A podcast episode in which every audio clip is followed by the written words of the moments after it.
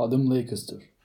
Seçkin bir topçu subayı olan babam Tüm General Win Lancaster, Hindistan'ın ölümcül ikliminde yakalandığı komplike bir karaciğer rahatsızlığına 5 yıl önce yenik düştü. Bir yıl sonra tek abim Francis, olağanüstü parlak bir üniversite kariyerinin ardından geri döndü ve büyük hukuk efsanesi diye bilinen konunun ustası olmak için bir münzevi kararlılığıyla eve yerleşti. Yaşamını eğlence denen her şey karşısında kayıtsızca sürdürüyormuş gibi görünen bir adamdı. Çoğu erkekten daha yakışıklı olup yalnızca bir serseriymişçesine gibi şen ve nükteli konuşabilmesine karşın toplumdan kaçmaya başlamış, avukat olabilmek için kendisini evin en üst katındaki büyükçe bir odaya hapsetmişti. İlk başta günün 10 saatini okumaya ayırıyordu. Gün ışığının doğuda belirmesinden akşamın geç saatlerine kadar kitaplarıyla bir başına kalır, yarım saatlik yemek molasında benimle birlikte acele bir şeyler atıştırır, akşam karanlığı çökünce kısa bir yürüyüşe çıkardı. Bu kadar amansız bir çalışmanın insanı hasta edebileceğini düşünerek dil döktüm. Onu üst üste yığılmış kitaplardan soğutmaya çalıştım. Bununla birlikte hevesi azalacağına daha da artmış, çalıştığı saatler uzamıştı. Onu karşıma alıp ciddi ciddi konuştum. Zararsız bir roman eşliğinde tembellik ederek geçirilen bir akşamla bile olsa ara sıra rahatlamasını salıklardım.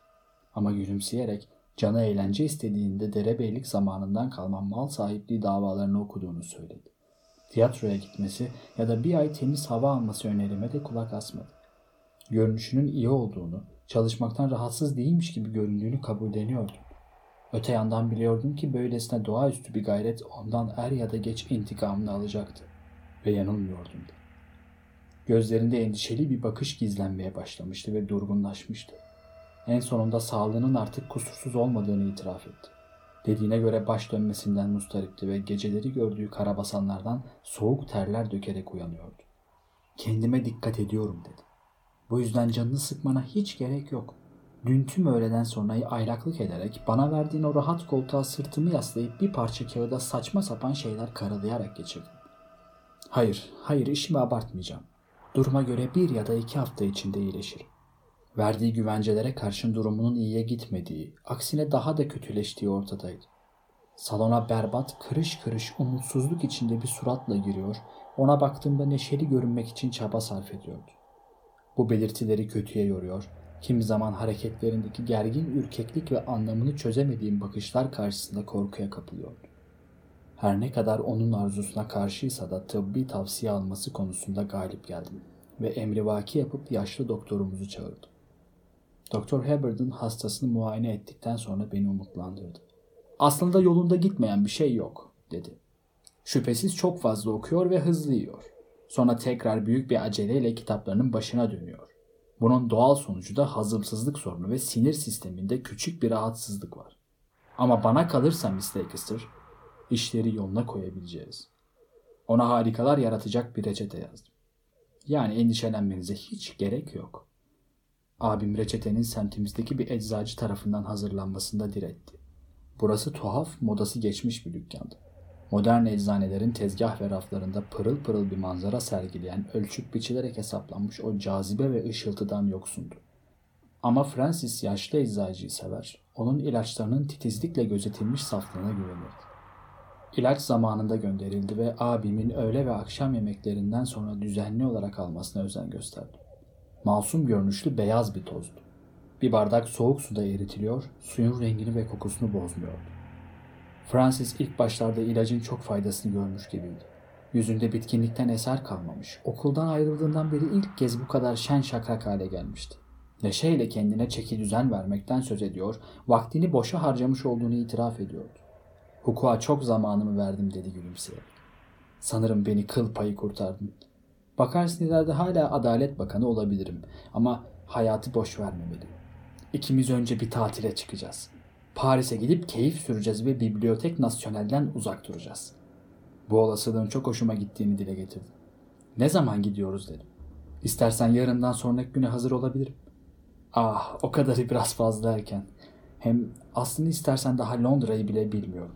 Sanırım insan önceliği kendi memleketinin zevklerine vermeli. Ama bir ya da iki hafta içinde beraberce yola çıkacağız. O yüzden Fransızcanı biraz cilalasan iyi edersin. Ben sadece hukuk alanında kullanılan Fransızcayı bilirim ki korkarım bir işe yaramaz. Yemekten kalkmak üzereydik. Ve o ilacını sanki en seçkininden şarapmış gibi bir gösterişle içip bitirdi. Özel bir tadı var mı? diye sordum. Hayır, sudan farksız dedi. Ve iskemlesinden kalkıp şimdi ne yapacağına karar verememiş gibi odada bir aşağı bir yukarı yürümeye başladı. Salonda birer kahveye ne dersin diye sordum. Yoksa sigara mı içeceksin? Hayır, sanırım dışarı çıkacağım. Hoş bir akşama benziyor. Havadaki şu kızıllığa bak. Sanki koca bir şehir alevler içinde yanıyor ve karanlık evlerin arasında sağanak halinde kan yağmakta. Evet, dışarı çıkacağım. Belki erken dönerim ama anahtarımı yanıma alacağım. O yüzden sana iyi geceler tatlım. Belki döndüğümde göremem diye. Kapı arkasından kapandı ve onun tahta bastonunu sallayarak neşeyle sokaktan aşağı yürüdüğünü gördüm. Böylesine bir ilerleme için Doktor Hayward'ına minnet duydum. Abimin o gece eve çok geç saatte döndüğüne inanıyorum. Ama ertesi sabah keyfi yerindeydi. Nereye gittiğimi düşünmek sizin yürüdüm dedi. Temiz havanın tadına vararak ve daha kalabalık semtlere vardıkça kalabalıklarla birlikte canlanarak. Derken kaldırımın kalabalığında eski bir okul arkadaşım olan Orford'a rastladım. Sonra şey eğlendik biraz. Genç ve erkek olmanın ne anlama geldiğini hissettim. Damarlarımda diğer insanlarınki gibi bir kan aktığını keşfettim. Bu akşam için Orford'la sözleştik. Restoranda küçük bir grup olacağız. Evet, bir ya da iki hafta keyif çatıp gece yarısı çanlarının çalındığını işiteceğim. Sonra da küçük gezimize çıkacağız. Abimin karakteri bir iki gün içinde öylesine değişivermişti ki bir zevk düşkünü, şehrin batı yakasının kaldırımlarını tasasızca ve neşeyle adımlayan bir avare, rahat ve sıcak restoranların avcısı, fantastik dansların iyi bir eleştirmeni olmuştu. Gözlerimin önünde kilo alıyor ve artık Paris'in sözünü etmiyordu. Çünkü cennetini Londra'da bulduğu şüphe götürmezdi. Seviniyordum. Yine de biraz meraklanıyordum. Çünkü onun neşesinde beni belirsizce mutsuz eden bir şey vardı. Ama içimdeki bu duyguyu tarif edemiyordum. Ne var ki ağır ağır bir değişim başladı. Hala sabahın ayazında dönüyordu eve ama artık eğlencelerinden bahsetmiyordu. Bir sabah kahvaltıya oturduğumuzda aniden gözlerine baktım ve bir yabancı gördüm karşımda. Ah Francis diye bağırdım. Ah Francis, Francis ne yaptın sen? Hıçkırıklarım yüzünden sözlerim yarıda kaldı. Ağlayarak odadan çıktım. Çünkü hem hiçbir şey bilmiyor hem de her şeyi biliyordu. Düşüncelerin bir cilvesiyle onun ilk kez dışarıya çıktığı akşam bir grup vakti önümde kızıllaşan gök gelmişti hatırıma. Cayır cayır alevler içinde bir şehre benzeyen bulutlar ve kan yağmuru. Yine de böyle düşüncelerle mücadele ettim. Onun belki de çok zarar görmediğine karar verdim ve akşam yemeğinde Paris tatili için bir tarih saklamayı aklıma koydum. Yeteri kadar rahat söyleştik ve abim tüm bu günler boyunca almaya devam ettiği ilacını henüz içmişti. Tam konuyu açmak üzereydim ki sözcükler zihnimde kayboldu ve bir an için kalbimi sıkıştıran, beni sanki canlı birinin üzerine çivilenen tabut kapağının tarifsiz dehşetiyle boğan o buz gibi ve dayanılmaz ağırlığın ne olduğunu merak ettim. Şamdanları yakmadan yemiştik yemeğimizi. Odada alaca karanlık yerini ağır ağır loşluğa bırakmıştı. Duvarlar ve köşeler gölgelerin içinde belirsizdiler. Oturduğum yerden sokağa baktım. Fransızca ne söyleyeceğimi düşünürken gökyüzü hiç aklımdan çıkmayan o akşamki gibi kızarıp ışımaya başladı ve iki karanlık yığın gibi görünen evlerin arasından alevlerin parlak gösterisi belirdi. Kıvrımlanan bulutların dehşet verici sarmalları ve mutlak derinliklerin yanışı, dumanları tüten bir şehirden esermişçesine gri kümeler ve yukarıdaki daha coşkulu bir alevin dilleriyle bezenmiş kötücül bir güzellik. Aşağıda ise sanki derin bir kan gölü. Gözümü karşımda oturan abime çevirdim ve söyleyeceklerim dilimin ucundaydı ki onun masanın üzerinde duran elini gördüm. Sıkılı elinin baş ve işaret parmakları arasında bir işaret vardı. Bozuk paradan büyük olmayan ve kötü bir çürük renginde bir iz. Yine de betimleyemeyeceğim bir duyguyla gördüğüm şeyin hiç de çürük olmadığını biliyordum. Ah, eğer insan eti alev alev yanabilirse ve bu alevler zift kadar kara olabilirse gözlerimin önündeki buydu işte. Manzara karşısında daha düşünüp sözcükleri şekillendiremeden içimde donuk bir korku büyüdü ve bir yarım bunun bir damga olduğunu anladım. Lekeli gökyüzü bir anlığına gece yarısı gibi kapkara kesildi ve ışık geri geldiğinde sessiz odada tek başımaydım. Az sonra da abimin evden çıktığını duydum. Vakit geç olmasına karşın şapkamı giyip Doktor Haberton'a gittim. Ve doktorun yanında getirdiği bir mumla yetersizce aydınlanan büyük muayenehanede tir tir titreyen ve kararlılığıma rağmen çatlayan bir sesle ona abimin ilacı almaya başladığı günden başlayıp ancak bir saat önce gördüğüm korkunç şeye kadar her şeyi anlattı. Anlatmayı bitirdiğimde doktor yüzünde büyük bir acıma ifadesiyle bana bir süre baktı. Sevgili Miss Lancaster dedi. Belli ki abiniz için kaygılanıyorsunuz. Eminim onun üzerine titriyorsunuz. Hadi söyleyin öyle değil mi? Kaygılı olduğum kesin dedi. Geçtiğimiz bir veya iki haftadır içim rahat etmedi. Haliyle beynin ne kadar garip bir şey olduğunu elbette biliyorsunuz. Neyi kastettiğinizi anlıyorum ama bu bir aldanma değildi. Size söylediklerimi kendi gözlerimle gördüm. Evet, evet, evet tabii. Ama gözleriniz bu akşamki o çok tuhaf gün batımına bakıyordu. Tek açıklaması bu. Yarın doğru dürüst bir ışıkta gerçeği anlayacağınızdan eminim. Bununla birlikte unutmayın. Elimden gelen yardımı sunmaya her zaman hazırım. Gelmekte ya da zor bir durumdaysanız beni çağırtmaktan hiç tereddüt etmeyin. Çıktım. Ama yüreğime pek az su serpilmişti. Tamamen karışıklık, dehşet ve üzüntü içindeydim. Ne yapacağımı bilmiyordum. Abimle ertesi gün karşılaştığımda onu çarçabuk süzdüm ve içimde bir bulantıyla birlikte sağ elinin üzerinde kara alevli bir bölgeyi açık seçik gördüğüm elinin bir mendille sarılmış olduğunu fark ettim. Eline ne oldu Francis? diye sordum titremeyen bir sesle. Önemli bir şey değil. Geçen gece parmağımı kestim. Bir hayli kötü kanadı. Ben de becerebildiğim kadarıyla sardım. İstersen güzelce pansuman yapayım. Ya hayır canım sağ ol. Bu işimi gayet iyi görür. Kahvaltı etsek nasıl olur? Bayağı açım. Oturduk ve onu izledim. Çok az yiyip içiyordu. Ve başka tarafa baktığımı sandığı bir anda tabağındaki eti köpeğe verdi. Gözlerinde daha önce hiç görmediğim bir bakış vardı. Aklıma aniden bu bakışın insancı olmadığı geldi. Bir önceki gece yaşadığım şey her ne kadar korkunç ve inanılmazsa da onun bir yanılsama veya şaşalamış duyularımın aldanması olmadığında karar kılmıştım. Günün devamında tekrar doktorun evine gittim.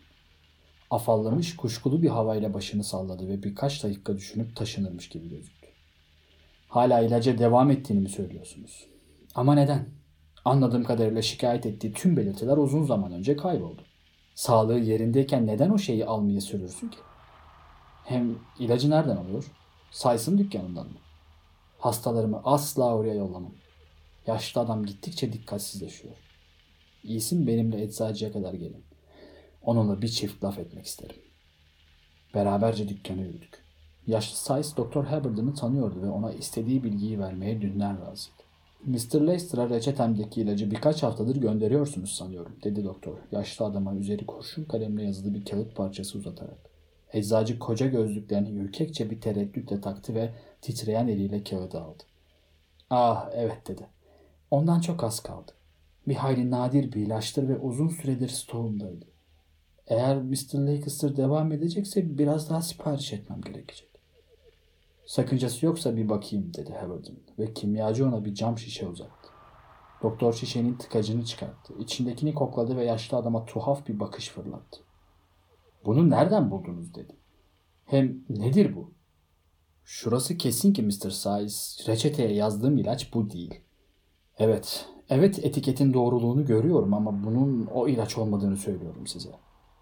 Uzun süredir elimdeydi dedi yaşlı adam ama zayıf bir dehşetle her zamanki usulle Burbage'den aldım. Çok sık kullanılmaz. Birkaç yıldır da rafta duruyordu. Görüyorsunuz ne kadar az kalmış. Bunu bana verseniz iyi olur dedi Hubbard'ın. Korkarım yolunda olmayan bir şeyler var. Dükkandan sessizce çıktık. Doktor kağıda iyice sarılmış şişeyi koltuk altında taşıyordu. Doktor Hubbard'ın dedim biraz yürüdükten sonra. Doktor Hubbard'ın. Evet dedi bana epey kasvetli bir bakışla. Abimin neredeyse son bir aydır günde iki kez aldığı şeyin ne olduğunu bilmek isterim. Açıkça söyleyeyim Miss Leicester. Bilmiyorum. Bunu evime gidince konuşacağız. Doktor Hubbard'ın evine varıncaya kadar başka bir tek kelime etmeksizin hızlı hızlı yürüdük. Oturmamı istedi ve odayı arşınlamaya koyuldu. Yüzü kasvetliydi. Görebildiğim kadarıyla da sıradan korkulardan dolayı değil. Evet dedi sonunda. Tüm bunlar çok tuhaf. Telaş hissetmeniz doğal ve kendi zihnimin de rahat etmekten uzak olduğunu itiraf etmek isterim. Eğer izin verirseniz bana dün gece ve bu sabah söylediklerinizi bir kenara bırakacağız. Ama geriye son birkaç haftadır Mr. Lancaster'ın bünyesine bana tamamen yabancı bir ilacın girdiği gerçeği kalıyor. Bunun benim istediğim ilaç olmadığını söyleyebilirim. Şişedekinin ne olduysa daha belli değil.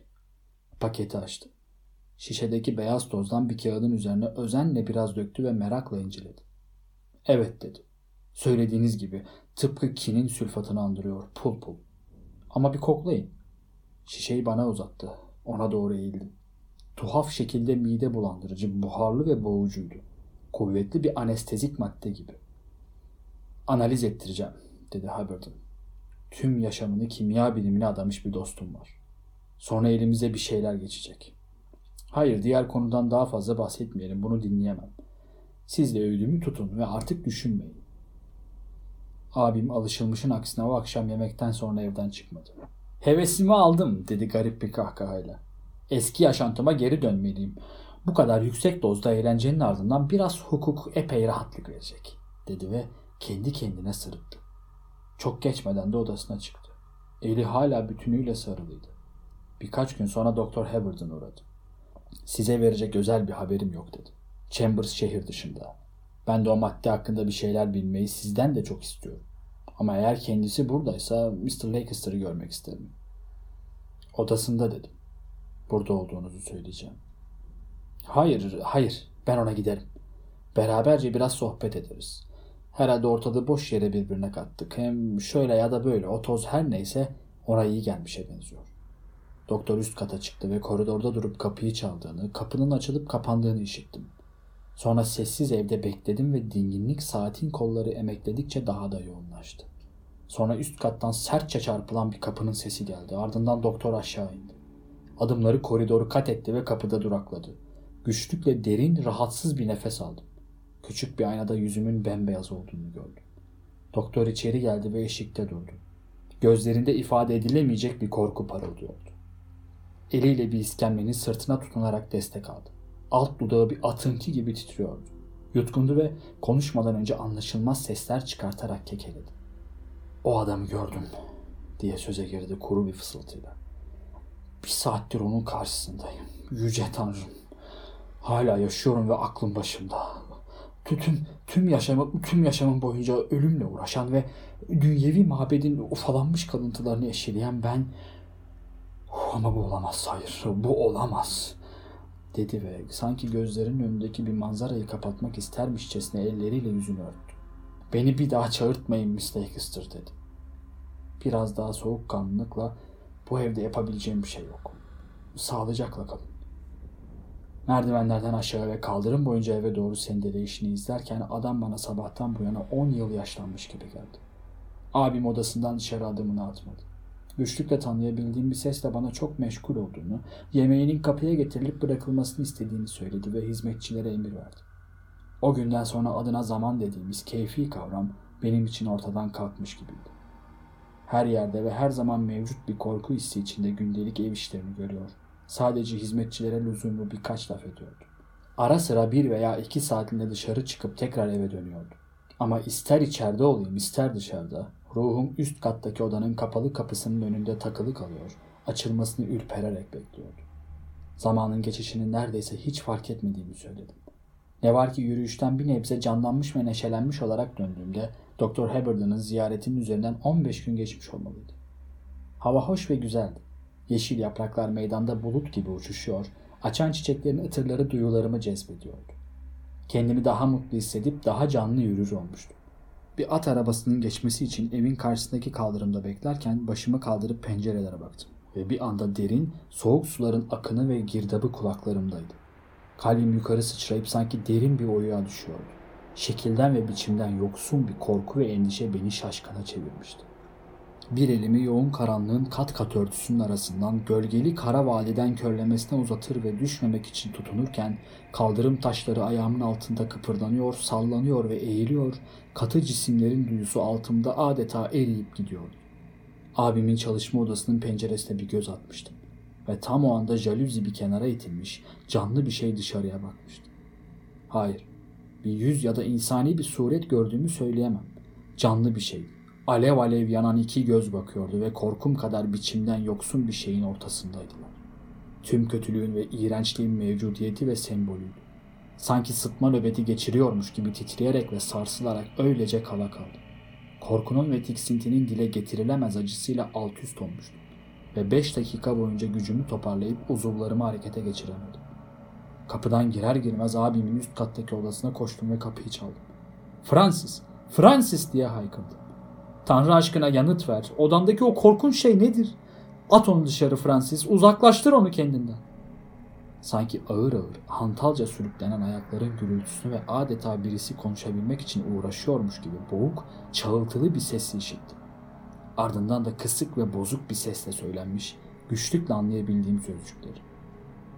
Burada hiçbir şey yok, dedi ses. Rica ederim, beni rahatsız etme. Bugün pek iyi değilim. Korkmuş ama çaresiz geri döndüm. Elimden bir şey gelmiyordu ve Francis'in bana neden yalan söylediğini merak ediyordum. Çünkü bir anlığına bile olsa varlığı camın ardından yanılmayacak kadar net görmüştüm. Bir başka şey o yanan gözler bana bakmadan önce dehşetin ilk anında görmüş olduğum bir şey daha olduğunun bilincine vararak öylece oturdum. Birden bir anımsadım. Ben başımı kaldırırken jaluzi kapanmıştı ve onu hareket ettiren şeyin anlık bir görüntüsünü yakalamıştım. Hatırladığım şeye ait iğrenç bir manzaranın sonsuza dek beynime kazındığını biliyordum. Bu bir el değildi. Jaluziyi parmaklar değil kara güdük bir şey kenara itmişti. Çürüyüp dağılan dış hatları ve sanki bir hayvanın pençesi gibi beceriksizce hareket edişi dehşetin kara dalgaları üzerime çökmeden ve beni hemen çukura sürüklemeden önce duyularımı dağlamıştı. Zihnim bu düşünce ve abimin odasını paylaşan o berbat varlık yüzünden donup kalmıştı. Kapısına çıkıp tekrar seslendiğimse de hiç yanıt gelmedi. O gece hizmetçilerden biri bana fısıldayarak üç gündür düzenli biçimde kapıya bırakılan yemeklere el sürülmediğini, hizmetçi kızın kapıyı tıklattığını ama yanıt alamadığını, benim de fark etmiş olduğum o ayak sürüme sesini duyduğunu anlattı. Günler birbirini kovaladı. Abimin yemekleri hala kapısına taşınıyor ve dokunulmadan kalıyordu. Hizmetçiler benimle konuşmaya başladılar. Görünüşe göre onlar da benim kadar korkuyorlardı. Aşçı kadının anlattıklarına bakılırsa abimin kendini odaya kilitlediği ilk günlerde geceleri çıkıp evde gezindiğini, hol kapısının açılıp kapandığını duymuştu. Ama birkaç gündür hiç ses gelmiyordu. Nihayet olaylar doruk noktasına vardı. Alaca karanlık vaktiydi ve can hıraş bir feryat sessizliği yardığında kararmaya yüz tutan kasvetli odada oturuyordu. Merdivenlerden aşağı koşan korkmuş ayak seslerini işittim. Bekledim. Hizmetçi kız sendeleyerek odaya girdi ve karşıma dikildi. Tir tir titriyordu, bembeyaz kesilmişti. Ah Miss Helen diye fısıldadı. Ah Tanrı aşkına Miss Helen neler oluyor? Elime bir bakın hanımefendi. Şu ele bir bakın hele. Onu pencere kenarına çektim ve elinin üzerinde kara ıslak bir leke olduğunu gördüm. Seni anlamıyorum dedi. Bana olan biteni anlatır mısın? Az önce o odanıza çeki düzen veriyordum diye başladı söze. Çarşafları değiştiriyordum ve durup dururken elime ıslak bir şey düştü. Yukarı baktım. Tavan simsiyahtı ve üzerime akıyordu. Ona ters bir bakış fırlatıp dudağımı ısırdım. Gel benimle dedim. Mumu da al yanına. Yatak odam abimin alt katındaydı ve daha giderken bile titrediğimi hissediyordum. Tavana bakınca bir leke gördüm. Kapkara ve ıslaktı. Üzerinde kara damlalar birikmişti ve tiksinti verici bir sıvı beyaz yatak takımını ıslatıyordu. Üst kata koştum. Var gücümle kapıyı dövdüm. Ah Francis, Francis sevgili abim diye haykırdım. Sana neler oldu? Sonra dinledim. Bir boğulma sesi ve suyun kabarcıklanmasını, çağıltısını çağrıştıran bir gürültüden başka hiçbir şey yoktu. Daha yüksek sesle bağırdım ama yanıt alamadım. Söylediklerine karşın Doktor Haberden'a gittim. Gözyaşlarım yanaklarımdan aşağı süzülürken olan biteni anlattım.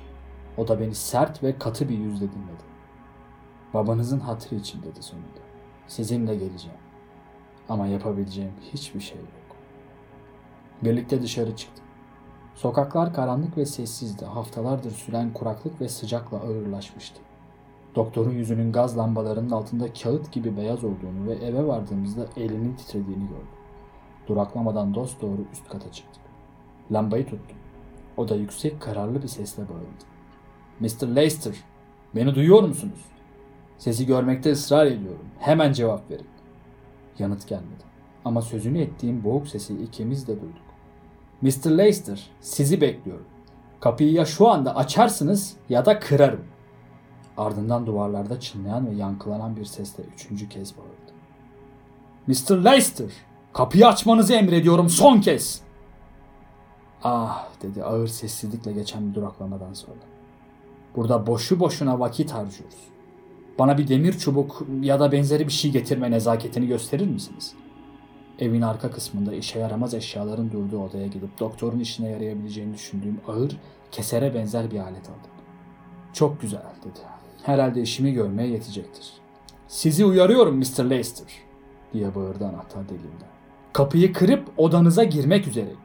Sonra keserin gerildiğini, altındaki ahşabın yarılıp çatırdadığını duydum.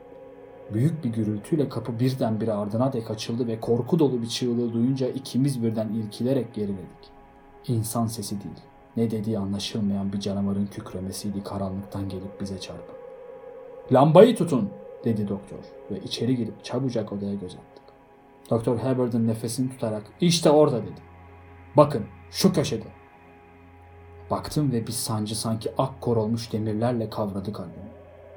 Orada zeminde bozulma ve iğrenç bir çürümüşlükle köpüren ne sıvı ne katı olan ama gözlerimizin önünde eriyip değişen, kaynayan zift gibi yağlı kabarcıkların köpürdüğü koyu renkli, kokuşmuş bir yığın ve ortasında göze benzeyen alev alev iki yuvarlak vardı. Uzuvlarınınkini andıran bir devinim, bir çalkantı gördüm. Ve bir zamanlar kol olmuş olabilecek bir şey hareketlenip yükseldi. Doktor bir adım ilerledi. Keseri kaldırdı ve yanan yuvarlaklara vurdu. Silahını nesnenin içine soktu ve tiksintinin verdiği öfkeyle ardı ardına indirdi.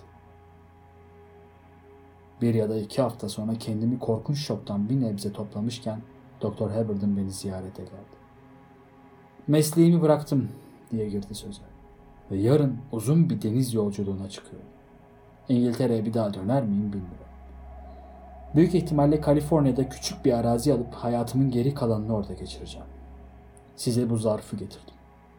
Kendinizi hazır hissettiğinizde açıp okuyabilirsiniz. İçinde Doktor Chambers'ın ona gönderdiğim maddeyle ilgili yazdığı rapor var. Sağlıcakla kalın Miss Lancaster. Bekleyemedim. O gittikten sonra zarfı açtım ve içindekini okumaya koyuldum. El yazması işte burada. İzin verirseniz insanı hayrete düşüren bu öyküyü size aktarayım. Sevgili Hubbard'ın diye başlıyordu mektup. Bana gönderdiğim beyaz maddeye ilişkin sorularını yanıtlamakta affedilmeyecek kadar geç kaldım. İşin aslı şu ki bir süre hangi görüşü benimsemem gerektiğini bilemeden tereddüt ettim. Çünkü teolojide olduğu gibi pozitif bilimlerde de tutuculuk ve yerleşmiş değerler vardır. Şayet sana gerçeği söyleyecek olsaydım bir zamanlar değerli saydığım kökleşmiş ön yargılara aykırı duruma düşecektim. Bununla birlikte sana karşı açık olmaya karar verdim ve ilk önce kısa, kişisel bir açıklamada bulunmalıyım. Beni yıllardan beridir bir bilim adamı olarak tanıdın Herbert. İkimiz de sık sık oturup mesleğimizden bahsetmiş, maddesel alanda nicelerinin geçtiği gözlem ve deney yolu dışında herhangi bir yöntemle gerçeğe ulaşabileceğini düşünenlerin önünde beliren amansız uçurumu tartışmışızdır. Biraz olsun görünmeyenle uğraşan, duyuların belki de tüm bilginin aşılmaz sınırı, hiçbir insanın henüz ötesine geçmediği sonsuz ölümsüz duvarlar olmadığını ürkekçe ima eden bilim adamlarını nasıl küçümsediğini hatırlıyorum. O günlerin bir takım atlar altında gizlenmiş doğaüstü saçmalıklarına. Zavallı mekanik hileleri ve uydurma ruh çağırma seanslarıyla sahtekar ayak takımının hezimeti, göz bağcılık, ispiritizma, maddeleşme, teosofi ve seviyesiz Londra sokaklarının gerçek yüzü karşısında haklı olarak içtenlikle gülüp geçmiştik. Yine de söylemiş olduklarıma karşın sözcüğün alışıldık anlamıyla bir materyalist olmadığımı belirtmeliyim. Kendimi bir septik olduğumu hatırla dar görüşlü eski teorinin baştan aşağı ve mutlak bir şekilde yanlış olduğuna ikna edeli artık uzun yıllar oluyor. Belki bu itiraf seni 20 yıl önce olabileceği kadar derinden yaralamayacak.